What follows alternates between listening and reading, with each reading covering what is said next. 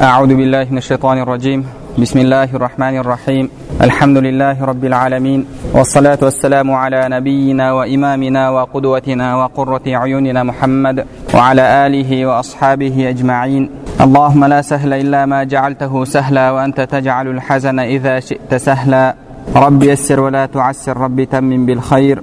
رب اشرح لي صدري ويسر لي امري واحلل عقدة من لساني يفقه قولي اللهم علمنا ما ينفعنا وانفعنا بما علمتنا وزدنا علما وعملا وتقا واخلاصا يا رب العالمين اما بعد السلام عليكم ورحمة الله وبركاته biz o'tgan darslerimizde alloh subhanava taoloni qalauымен namozding ishki odatlari жайында so'z qo'zg'agan edik bizning жалпы бұл өтіп жатқан дәрістеріміз тәзкият нуфус яғни нәпсіні тазалау. Нәпсіні тазалаудың жолдары алла субханала тағала бізге бұйырған құлшылықтарды өз деңгейінде орындау. Себебі әрбір құлшылықтан күтілетін нәтиже және мақсат бар.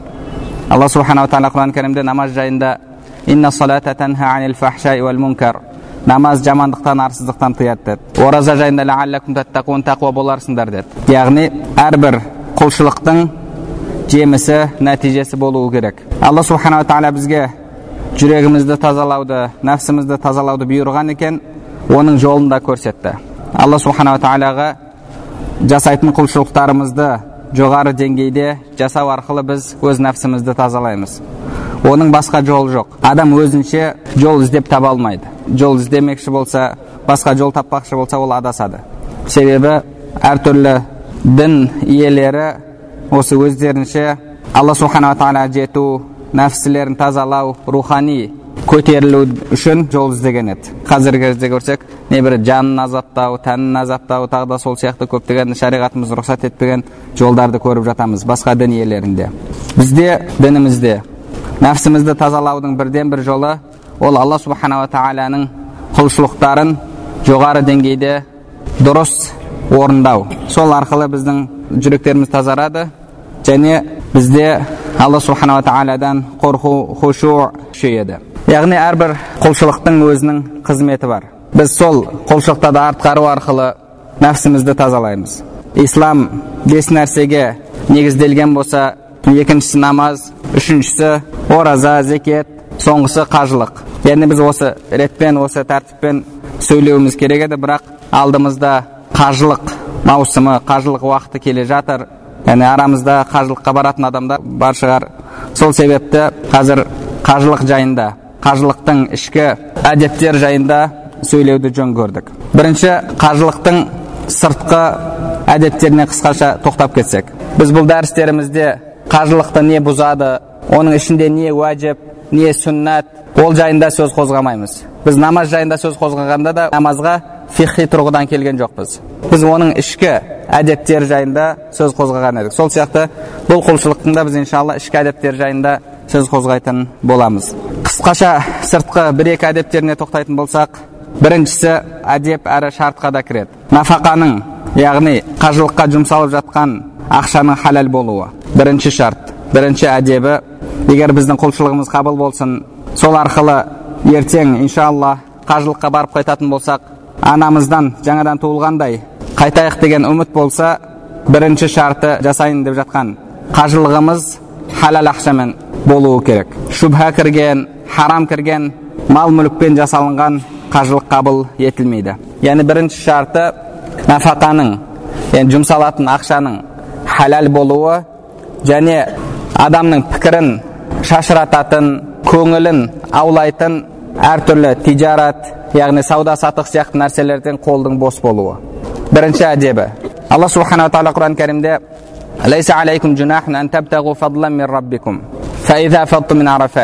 егер арапаттан қайтатын болсаңдар одан кейін алла субханала тағаланың рызқын іздемекші болсаңдар ол үшін сендерге күнә жоқ дейді.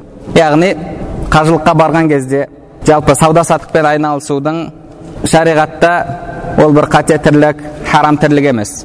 Бірақ ғұламаларымыз айтады егер қажылығың халис алла ризашылығы үшін болуын көңілдің шашырамауын көңіліміз жан жаққа ауытқымауын қаласақ қолымыз сауда саттықтан бос болуы керек. Яғни бізде бұдан бірнеше жылдар алдын адамдар қажылыққа бал алып баратын.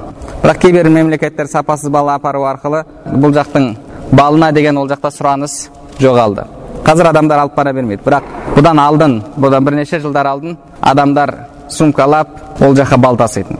Ол бірінші қажылығы болар. Үйтіп бүйтіп ақшасын жинап бірінші қажылыққа бара жатыр. Екінші қажылық оған нәсіп етеді ме етпейді ме аллаху әлем қажылық ислам бес негізге құралған болса соның бірі. Пайғамбарымыз саллаллаху алейхи вассалам қабыл етілген мәбрур қажылықтың жазасы яғни оның сыйы тек қана жәннат дейді. Яғни сондай үлкен қажылықты атқаруға барады. Бірінші рет бірақ сумка сумка балын басқасын алып барады. Барғаннан кейін ойының бәрі кеткенше соны сатып біту болады. Алланы зікір ету құлшылықтың төңірегінде ойын жинай алмайды. Сол үшін де ғұламаларымыз бірінші әдебі нафақаның халал болуы және қолдың сауда саттықтан көңілімізді жан жаққа бұратын ойымызды шашырататын нәрселерден бос болуы дейді имам әбу усман сабуни рахмаулла өзінің әл кітабында хадис риуаят етіп айтады қиямет жақындаған кезде тахуджу агния уммати линнузха وأوساطهم للتجارة وفقراؤهم للمسألة وقراؤهم للرياء والسمعة менің үмметімнің байлары қыдыру үшін серуендеу үшін қажылық жасайды деді яғни қиямет жақындаған кезде сондай адамдар пайда болады екен байлардан қыдырып қайтайық көріп қайтайық японияны да көрдік швейцарияны да көрдік меккені де барып көріп қайта салайық дегендей оймен барады екен және көптеген адамдардан келген кезде сұрап жатсаңыз қалай екен десеңіз қалай қажылық десеңіз ол о үйлері андай екен адамдары мынандай екен ауа райысы мынандай екен тек қана ол серуендеп барған туризм үшін барған адамның әңгімесін айтады пайғамбарымыз саллаллаху яғни үмметімнің байлары қыдыру үшін серуендеу үшін қажылық жасайды дейді орта деңгейдегілері сауда саттық үшін тижарат үшін кедейлері қайыршылық жасау үшін деді сондай адамдар бар арнайы сол қажылық уақытын пайдаланып қайыршылық жасайды қазіргі кезде сондай адамдар бар фирмалармен келісіп фирмалар оны алып келеді қарасаңыз он бұралып жатыр жүруге өз аяғымен келуге шамасы жоқ фирмалармен келісіп олар оны алып келіп қажылық кезінде отырғызады кешке жинап алып алады белгілі бір пайызын беріп тұрады сөйтіп қайыршылық үшін баратындар бар. Пайғамбарымыз саллаллаху кедейлері қайыршылық үшін ғалымдары қарлары рия үшін мақтану үшін барады деді. Кейбіреулер сауда саттық үшін баратын болса екінші біреулер қажы атану үшін ол қажылыққа барды бір рет барды екі рет барды мынау пятикратный қажы мынау шестикратный қажы деген сияқты атаққа ие болу үшін мақтанышқа барады. Және бұрынғы кездері қажылық уақыты үлкен ғылыми конференция ретінде өтетін еді. Яғни ғұламалар жиналатын сол жерде мәселелер қаралатын сол уақытта сондай кезде кейбіреулер атағын шығару үшін мақтану үшін баратын болған. Және сондай ғұламаларымыз айтады. Қажылықтың әдептерінен ақшаға біреудің атынан қажылық жасамау дейді ақшаға біреудің атынан қажылық жасамау ол нәрсе харам емес. Яғни өзіңіз бірінші рет қажылық жасаған болсаңыз екінші рет бәдәл қажылық дейді біреудің атынан ақшаға қажылық жасауға болады. Бірақ кейбір ғұламаларымыз оны мәкрух дейді. Яғни ол жақсы көрілмеген амал. Себебі алла субханала тағала кім дінді қаласа дінді таңдаса алла оған дүниені өзі беріп қояды. Алла дінде жүрген адамға дүниені береді. Бірақ дүниені қалап жүрген адамға дінді бермейді.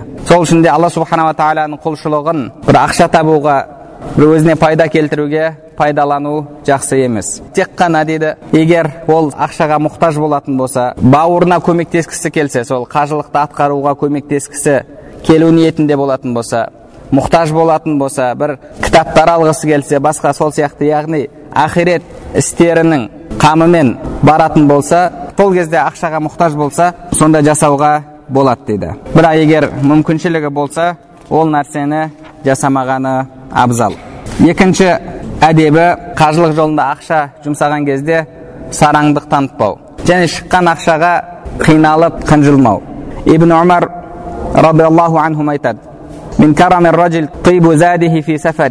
бір адамның жомарттығынан сапарда жұмсайтын ақшада қиналмауы сол нәрседе кең болуы дейді себебі кейбір адамдар алла субханала тағала әлбетте дүниені өзі жеткізеді өзіне жұмсағысы келмейді ибн умар радиаллаху анхуман тағы да айтқан сөз бар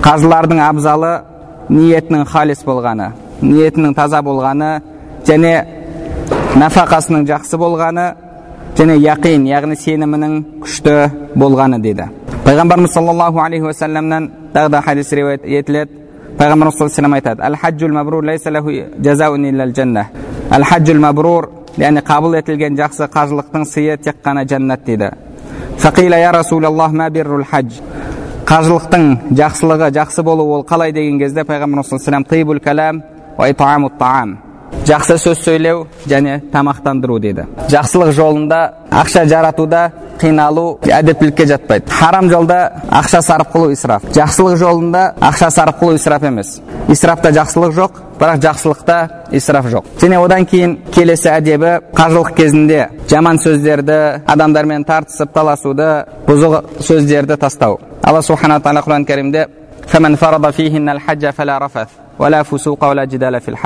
кім қажылық жасаса қажылықта рафас деген нәрсе дейді рафас әйелдерге қатысты әңгіме кейде адамдар қажылықта жиналып отырып дүние ісін немесе әйел мәселесін әңгіме етеді оны әңгіме ету арқылы адамда шахуат оянады ал қажылық кезінде әйелмен қосылу харам бұл сол харамға себепші болуы мүмкін харамға себепші болатын нәрсе харам болып есептеледі себебі дінімізде бір нәрсені харам етсе оған апаратын жолды да харам етеді екіншісі фусуқ фусуқ әрбір бұзық сөз және одан кейін уәлә жидал деді таласып тартысу ерегісу дауыс көтеру көп адамдар қажылыққа барған кезде сабырлық танытудың орнына әр нәрсеге фирманың басшысымен айқайласып жатады әр нәрсеге ұрыс шығарып жатады анау үңгән мынау үңгән мен ақшамды не үшін төледім қайтар ақшамды барғанда үстіңнен арыз жазам үйтем бүйтем. Барғаннан қайтқанға дейін тек қана осындай ұрыс керіспен өткізеді қажылығын. Алла субханала тағаланың алдында ол жауап береді. Бірақ біз қажылыққа барған кезде қажылықтың әдебін сақтауымыз керек. Алла субханала тағала таласып тартысу дауыс көтеру бұл нәрселерден адам қажылықта ұзақ болсын деді. Имам суфиян кім әлгіндей әйелдер жайында бұзық әңгіме айтатын болса оның қажылығы бұзылды дейді. Яғни қажылығы бекер болды дейді. Және пайғамбарымыз саллаллаху алейхи вассаламнан сұраған кезде әл мабрур қабыл етілген қажылық деген кезде оның сипаты қандай не нәрсемен болады деген кезде тибул кәләм жақсы сөз сөйлеу деді сол үшін адам қажылық кезінде тіліне сақ болуы керек. Сапар араб тілінде сафар сөзінен алынады. Сафара ашу дегенді білдіреді. Ашу анық ету дегенді білдіреді сапар сафар деп аталуының себебі деді адамдардың мінез құлқын ашады олардың кім екенін көрсетеді омар радиаллаху анху бірде бір кісі басқа бір кісі жайында куәлік беру үшін келген кезде сен оны білесің бе дейді сен оның көршісі болдың ба жоқ көршісі емеспін сен онымен сауда саттықта ақшада араласып көрдің бе деді себебі сіз адамның қандай екенін кім екенін сауда саттықта ақшада білесіз және үшіншісі онымен сапарда болдың ба деді жоқ мен онымен сапарда болған жоқпын сен оны тек қана мешітке кіріп шығып жүргенін көрген шығарсың деді иә кіріп шығып жүргенін көрдім онда сен оны білмейсің деді сапар адамдардың мінезін ашады кімнің кім екенін көрсетеді және тағы бір әдебі қажылыққа барған кезде жуынып қайта қайта шайына бермеу пайғамбарымыз саллаллаху алейхи вассалам айтады алла субханала тағала айтады деді менің үйімді зиярат етушілерге қараңдар олар шаштары ұйпа тұйпа сондай шаң халінде келді деп алла субханала тағала айтады дейді бұл хадисті имам хаким әбу хурайр радиаллаху анхудан имам ахмад абдулла ибн омарлардан риуаят етеді адам өзінің мұқтаждығын өзінің сондай міскіндігін көрсетуі ол әлбетте адамның бет келбетінде де көрінуі керек алла субханала тағала құран кәрімде қажылықтың амалдарын атқарып болған кейінгі нәрсені айтады. Кейін кірлерін кетірсін дейді. Үстіндегі шаңды тағы да басқа сол сияқты нәрселерді кетірсін дейді. Тырнағын алып тағы да сол сияқты нәрселер. Адамның бет әлпетінде де қажылықтың әсері көрінуі керек. Одан кейінгі әдебі құрбандық шалу. Қажылықта құрбандық шалу міндет болған түрі бар құрбандық шалу міндет болмаған түрі бар. Қажылықтың түрлері ифрат тәмәтту қиран деп келеді. Соның кейбіреулерінде құрбандық шалу міндетті емес. Бірақ міндетті болмаған күнде де шалған қажылықтың әдебіне кіреді. Алла субханала тағала құран кәрімде кім алланың белгілерін ұлықтайтын болса жүректің тақуалығынан деген аят жайында ғұламаларымыз ол құрбандықты жақсысын таңдау семізін таңдау дейді. Және сондай ғұламаларымыз үш нәрседе қатты саудаласуды жек көрген жақтырмаған қажылықта жасалынатын құрбандық кейбір адамдар өзі сататын кезде бағасын ұшырып сатады түсірмейді бірақ алатын кезде жерге ұрып алады негізі оның өзі жақсы мінез емес әсіресе бұл осындай алла субханала тағала жолында сауап үміт етіп жасап жатқан амалда ол нәрсе дұрыс емес және үшіншісі құл азат етуде деген омар радиаллаху анхуға бір сондай керемет асыл тұқымды породисті дейміз ғой түйе болады. Бір кісілер соны бізге 300 динарға бер деді. Омар радиаллаху анху ойлайды егер мен бұны 300 динарға сатсам орнына басқа рұқсат етілген түйенің түрлерін алатын болсам 30 түйе келеді деді. Егер он соятын болса ет көп болады адамдарға пайдасы көбірек. Пайғамбарымыз саллаллаху алейхи уассаламнан соны сұраған кезде пайғамбарымыз жоқ осы қымбат түйеңді құрбандыққа шал деді. Бұл хадисті имам әбу дауд рахимахулла келтіреді яғни бұл жерде негізгі мақсат етілетін нәрсе ол адамның тақуалығы адамның жүрегіндегі ниеті және сойылып жатқан құрбанның қымбат жақсы болуы пайғамбарымыз саллаллаху алейхи вассаламнан сұралады хадж яғни бағанағы қабыл етілетін жақсы қажылықтың сипаттары қандай деген кезде басқа бір хадисте әл аджу дейді адж дегеніміз тәлбие айтып ләббайк аллахума ләббайк соны дауысты көтеріп айту фәдж құрбандық шалу бұл хадисті имам термизи рахмаулла риуаят етеді айша анамыз тағы да бір хадис риуаят етеді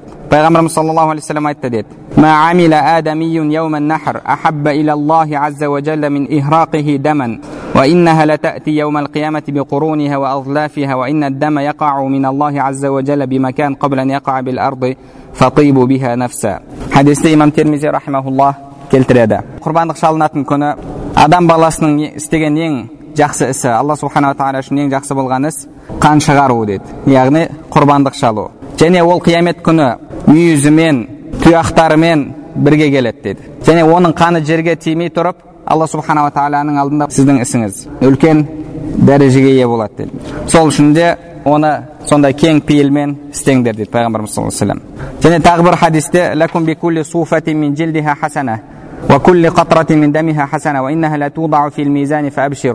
оның әрбір жүніне сендерге сауап болады. Әрбір тамған қанына сендерге сауап болады. Және ол қиямет күні таразыға қойылады дейді. Хадисті имам ибн мәжа келтіреді имам байхақи рахмаулла сахих дейді тағы бір әдебі әлбетте қажылық кезінде адам шаршайды шалдығады көп адамдар барып ауырып келіп жатады әсіресе жасы үлкен кісілер ол жақта ыстық барлық жерде кондиционер жөтеліп келіп жатады әртүрлі қиындықтар кейде әуежайда бес сағаттап он сағаттап күтіп қалады келген кезде кейбіреулер шағымданып айтып жатады ой андай болды мындай болды қиналдық басқа қылдық қажылықтың әдептерінен келгеннен кейін ол нәрселерді айтпау ренішін айтпау керісінше жақсы жағын айту алла қабыл етсін деп сол нәрсені үміт ету ол алла субхана тағала жолында сізге жеткен зияндар. Адам ол үшін қуану керек. Ол үшін қайғырудың ондай болды мынандай болды деген сөздің қажеті жоқ. Енді бірде бір кісіні зиярат етіп бардық қажылығыңыз қабыл болсын машалла қалай жақсы болды ма десек көзінен жас келіп жатыр. Не болды десе мына компания бізді қатырды қатырды деп жамандаумен болды. Кейде кейбір адамдар келеді да ол жақтың халқын жамандап жатады. Бұның бәрі қажылықтың әдебіне кірмейді. Біздің бір ұстазымыз айтып берген еді. Кезінде мединеде жүрген медине жүрген кезде жақын жерлерден келіп ешкінің сүтін сататын адамдар бар еді деді. Солардан барып сүт алып тұратын едік. Сөйтіп бір күні сүт алып жатқан кезде досым үлкен апа деді сүт сататын сол кісіге айтты деді мына сүтіңіз жақсы маңызды екен бірақ менің ауылымның менің елімнің сүті одан да жақсы деп айтты сонымен әлгі жігіт түс көреді түсінде пайғамбарымыз саллаллаху көреді пайғамбарымыз саллаллаху оған менің қаламның яғни мединенің сүті ұнамаса онда кет мединеден дейді әлгі жігіт шошып оянады пайғамбар саллаллаху хадисінде шайтан менің бейнеме кірмейді дейді сонымен барып ұстаздардан сұрайды осылай болды не істейін дейді онда кет дейді сонымен жылап сықтап ұстаздарымен қоштасып мединеден шығып кетеді. Еліне барады. Ұстаздарымен ақылдасады не істейін. Ол жігіт өзі ақын болады. Ұстаздар айтып сен ақындығың бар мединені мақтап өлең жаз деді. Сөйтіп ол мединені мақтайды талдарын мақтайды малдарын мақтайды ешкісін мақтайды итін мақтайды сүтін мақтайды топырағын мақтайды ауасын мақтайды бәрін мақтайды. Сөйтіп жақсы жақсы көп өлеңдер жазады. Одан кейін пайғамбарымыз саллаллаху алейхи вассалам түсінде қайтадан көреді. Пайғамбар саллаллаху ал енді қайтып мединеге келе бер деді сөйтіп мединеге қайтып келген деді өзінің досының басынан өткен нәрсе. Яғни бізде қажылықтан келген кезде алла субханала тағала өзі қасиетті етіп қойған жерлер. Ол жерлерді жамандап халқын жамандап қажылықтың кезінде бір зиян жеткен болса қиналған болсаңыз оны айтып шағымданудың қажеті жоқ. Бұл қысқаша сыртқы кейбір әдептері. Жалпы қажылық дегеніміз кіші ақирет. Қажылықтың өзі кіші ақирет. Қажылықтың әрбір амалында ақиретке белгі бар ишарат бар. Егер адамның жүрегі таза болатын болса сол нәрселерді сезе алады. Ол нәрсені сезу үшін яғни қажылықтың ішкі әдеттерімен бірге орындау үшін бірінші қажылықтың жалпы не екенін адам түсіну керек. Қажылық деген не? Адам алла субханала тағалаға шахуаттарынан арылмай жете алмайды. Шахуаттарынан арылмай толық алла субханала тағаланың құлдығына өтпей жете алмайды. Алдыңғы қауымдарда адамдар аллаға жету үшін шахуаттан арылу үшін дүниені тастап қатты тақуалыққа берілетін болған. Алла субханала тағала құран кәрімде олар жайында айтады. Олардың арасында қиссистар рухбандар бар деді. Қиссис рухбан яғни монах десек те болар. Және олар тәкаппарлық қылмайды деді. Алдыңғы діндегі сондай шахуаттан арылып ақирет жолында барлық нәрседен бас тартатын адамдар болған пайғамбарымыз саллаллаху алейхи вассалам ақирет жолын қайта жаңалау үшін келді пайғамбарымыз саллаллаху алейхи вассаламнан келіп сол жайында сұраған кезде пайғамбарымыз саллаллаху айтты жоқ алла субханала тағала бізге олардың істеп жатқан ол істердің орнына басқа нәрсені берді ол алла жолындағы күрес және қажылық деді қажылық ол адамның толық құлдығын білдіреді пайғамбарымыз саллаллаху алейхи вассалам қажылыққа ниет жасаған кезде құлдық қажылығына ниет еттім деген құлдық қажылығына ниет еттім деді пайғамбар саллаллаху бұлай ниет еткенін имам баззар имам дарақутнилар анас ибн малик радиаллаху анхудан келтіреді намазға қатысты зекетке қатысты немесе оразаға қатысты пайғамбарымыз саллаллаху бұндай құлдық құлшылығына ниет еттім деп айтпаған. бірақ қажылыққа келген кезде құлдық құлшылығы деп айтады. Не үшін? Қажылықта адамның ақылы жете бермейтін амалдар көп. Намазда руку бар намазда сәжде бар. Руку ол өзіңнің құлдығыңды мойындау сәжде алланың ұлықтығын мойындау өзіңді кішірейту зекет. Зекетте адамдарға пайда бар. Ораза оразада адам өзінің шахуатын сындырады. Яғни бұл құлшылықтардың мағынасына адам ақылы жетеді. Адамның ақылы бір нәрсеге жеткен кезде көңілі толады. Көңілі қабылдаған нәрсені адамның істеуі жеңілдеу болады. Кез келген адамнан бір нәрсені істе десеңіз не үшін істеймін дейді оның мағынасын түсіндіріп берсеңіз ол былай былай оның артында мынандай нәрсе көзделген десеңіз а дейді ақылы қабылдаған кезде көңілі бұрылады соған қарай. Адамның көңілі бір нәрсені қабылдаса оны істеу жеңілдеу болады. Құл деген кім? Құл деген қожайынның айтқанын орындайтын адам. Оның сөзін талқыламайды. Не үшін? Қалай? деп. Қажылықта амалдар бар. Не үшін біз жеті рет жүгіреміз сафа маруан арасында. Не үшін минаға барып түнейміз. Не үшін мұздалифада түнейміз. Сыры неде? Бұл жерде адамның толық құлдығы білінеді. Себебі құл өзінің қожайынның бұйрықтарын талқыламастан істейді. Пайғамбарымыз саллаллаху алейhi сол үшін де құлдың құлшылығына ниет еттім дейді. Бірінші қажылықты түсіну.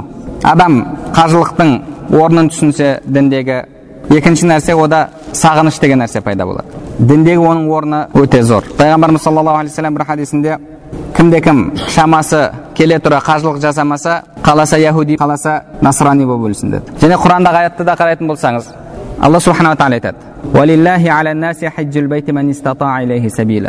әрбір шамасы келген адамға алла жолында қажылық жасау міндет деді артынша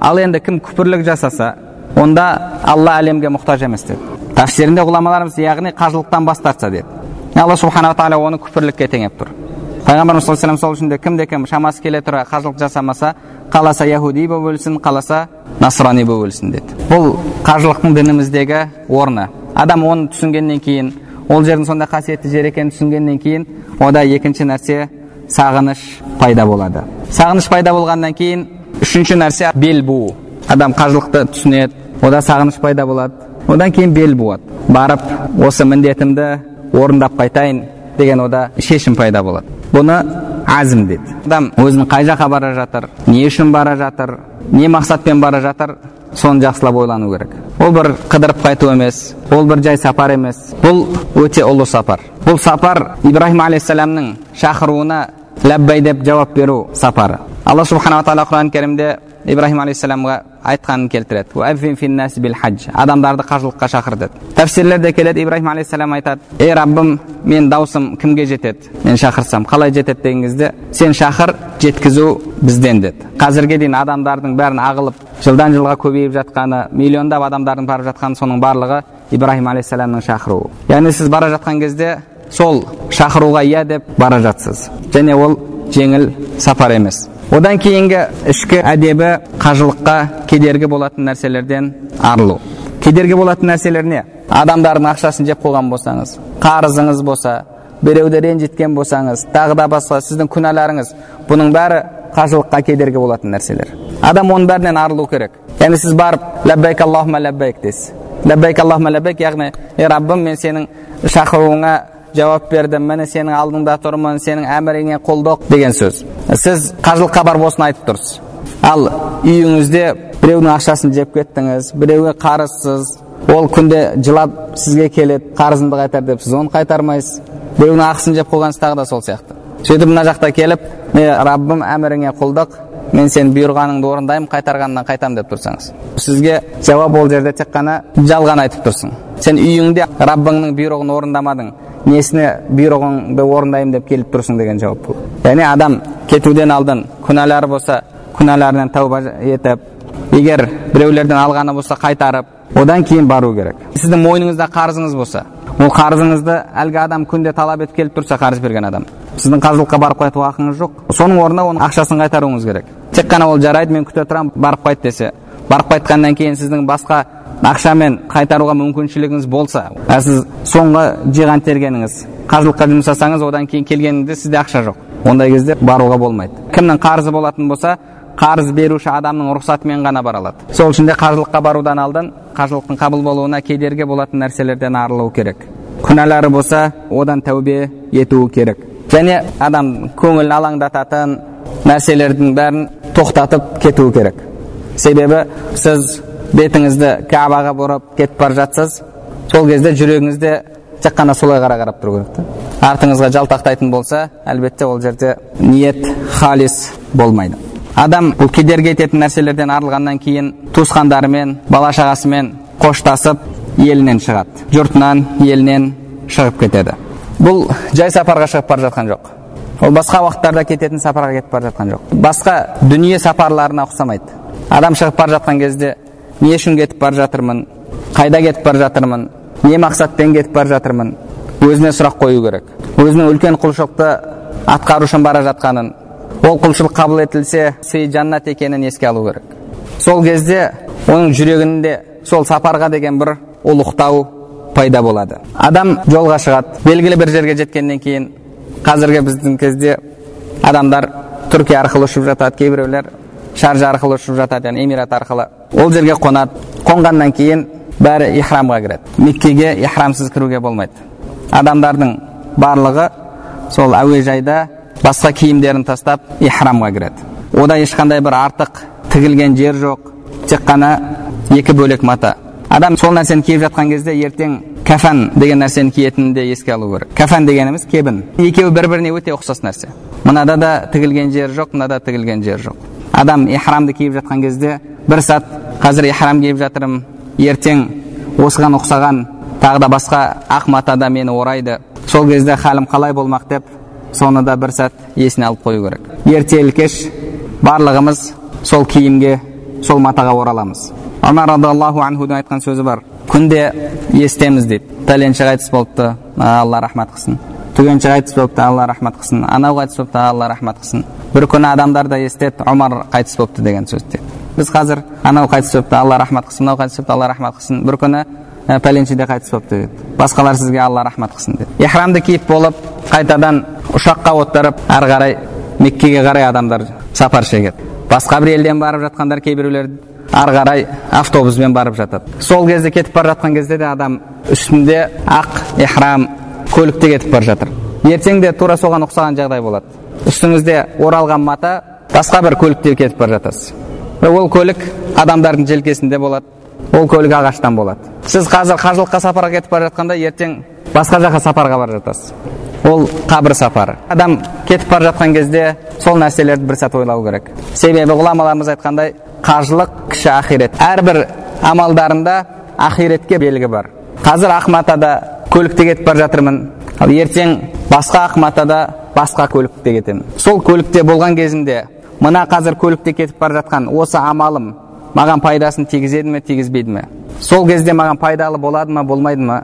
Деп адам соны ойлау керек және сол үшін әрекет жасау керек ешкім барып қажылықты атқарып қайтамын деп өзіне кепілдік бере алмайды бұл сапарыңыз күмәнді барып атқарып қайтатыныңыз бірақ басқа сапар ода күмән жоқ ешқандай ода ешқандай күмән жоқ адам осы нәрселерді еске алатын болса оның жүрегінде кішкене қорқыныш кішкене тақуалық деген нәрсе пайда болады адам ихрамға кіргеннен кейін ұшаққа мінгеннен кейін тәлбие айтуды бастайды лаббайк аллахума лаббайк لبيك لا شريك لك لبيك إن الحمد والنعمة لك والملك لا شريك لك қажылық кезінде әрдайым айтылатын тәлбия алланы ұлықтау е алла әміріңе құлдық міне естідім бойұсындым деген мағынада адам осы ләббайк аллахума ләббайк деген нәрсені айтып жатқан кезде алла субханала тағала қабыл етпей керісінше оның тәлбиесін қайтарып жіберуден қорқу керек себебі бұл істің басы имам суфиян ибн уяйна рахмаулла айтады али ибн хусейн али радиаллаху анхудың немересі бірде қажылық жасамақшы болды дейді ихрамды киіп көлікке мінген кезде ләббайк аллахума ләббайк деп айтпақшы болған кезде түрі сарғайып дірілдеп қорқып кетті көлігінен құлап түсті деді сонда ол кісіге лима неге тәлбие айтпайсың деген кезде мен ләббайк аллахума ләббайк десем маған керісінше жауап беріледі ме деп қорқам деген ол кісі әрбір тәлбияны айтқан кезде қажылық біткенше сол сезім қайталана берді деді және имам ахмад ибн абил хауари айтады имам абу сулейман ад дарани рахмауллахпен бірге болып едім дейді ол кісі тура ихрам киіп тәлбие айтпақшы болған кезде сондай сезім пайда болды яғни қорқыныш түрі сарғайып кетті дейді кейін маған айтты дейді ей ахмад алла субханала тағала муса алейхисаламға уахи етіп айтты дейді бәни исраил қауымының залымдарына айт олар мені азырақ зікір етсін себебі олар мені зікір еткен сайын естеріне алған сайын мен оларды қарғыспен ләғнатпен есіме аламын деп айтты неге себебі тілі зікір еткенмен өзінің халі басқаша пайғамбарымыз саллаллаху бір кісі жайында айтады ғой қолын көтеріп я раб я раб деп дұға жасайды бірақ ішкені харам жегені харам киімі харам дұғасы қайдан қабыл болсын дейді арабтарда біреу сізді шақырса сіз оған ләббәй деп жауап бересіз бізде де бұрын солай үйрететін болған шақырса ләббәй деп жауап бер дейді яғни бұрынғы аталарымыз солай үйреткен ләббәй деген біреудің шақыруына иә деп жауап беру біз ләббайк аллахума ләббайк деген кезде әлгі қажылыққа шақыр деген сол шақыруға ләббәй деп жауап беріп жатырық ертең қиямет болады онда да шақыру болады қияметте шақыру болады алла субханала тағала құран кәрімде жақын жерден шақырушы шақырады дейді яғни исрафилдің сүрі үрленеді ол қияметке шақыру болады сол кезде адамдардың барлығы хашр майданына қарай жүгіре бастайды жинала бастайды адам ләббайк аллахума ләббайк деген кезде сол шақыруға ләббай деп жауап беріп жатқан кезде ертең қиямет болатын қияметте ащы дауыс шақыру болатын. Сол кезде де адамдар хашр алаңына қарай жүгіретінін бірақ ол жерде қабыл болғандар қабыл болмағандар жақсы болғандар жаман болғандар болып бөлінетінін есіне алса бұл да ләббайк аллахума ләббайк деген кезде қажылық қабыл болса сол жақсылардың қатарында қабыл болмаса жамандардың қатарында болатынын бір сәт есіне түсіруі керек. Одан кейін ол меккеге кіреді. Алла субханала тағала ол жерді хараман әмина кірген адамға амандық болатын жер етті. Омар радиаллаху анху айтады харамға менің әкемді өлтірген адам кірсе мен одан ол жерде өше алмаймын деді. Яғни ол жерді алла субхана сондай амандық есендік жер етіп қойды. Сол жерге кіріп бара жатқан кезде қазір бұл дүниеде амандық болған жерге кіріп бара жатырмын. Е алла осы меккеге кіргенде ертең мені қияметте амандық жері болған жәннатқа кіргізе көр бұл дүниеде меккеге кіруді маған нәсіп еткенде ертең қияметте жәннатыңа кіруді нәсіп ете көр деп алла субханала тағаладан сұрауы керек. Қажылық бұл әрбір адамға нәсіп ете бермейді. Бірде бір отырыста болдық. Бір кісі енді бай кісі байлық жетеді атақ бар. Отырып алып әйел екеуі. Ана жерде болғанымызда мына жерде болғанымызда японияда болғанда швейцарияда болғанда малайзияда болғанда таиландта болғанда мына жақта болғанда. Енді әлемнің жартысын шарлап шыққан. Қыдырып жанында отырған адам сұрап жатырмын ғой. кісілер қажылыққа барған ба екен десем жоқ қажылыққа бармаған деп. Не ол әлем жартысын шарлап шыққан пайдасы не? егер сонша мал мүлкі бола тұра бірінші адам қажылықтан бастау керек қажылыққа бармаған болса. Міне алла субханала тағала ол нәрсені әркімге нәсіп ете бермейді. Сол үшін де ол жерге кірген кезде адамда сезім ерекше болу керек. Және тағы да басқа да әдеттері бар. Ол жайында алла нәсіп етсе ендігі дәрісімізде яғни сәрсенбі күні иншалла әңгіме қозғармыз. Алла субханала тағала бәріміздің тақуалығымызды арттырсын иншалла қажылыққа ниет етіп жатқандар болсақ қажылығымызды жақсылықпен атқарып қайтуды сыйы тек қана жәннат болған қажылыққа ие болуымызды алла субханала тағала баршамызға нәсіп етсін. Алла бәрімізге пайдалы білім нәсіп етсін білімдерімізге амал қылуымызды амалдарымыздың қабыл болуын нәсіп етсін.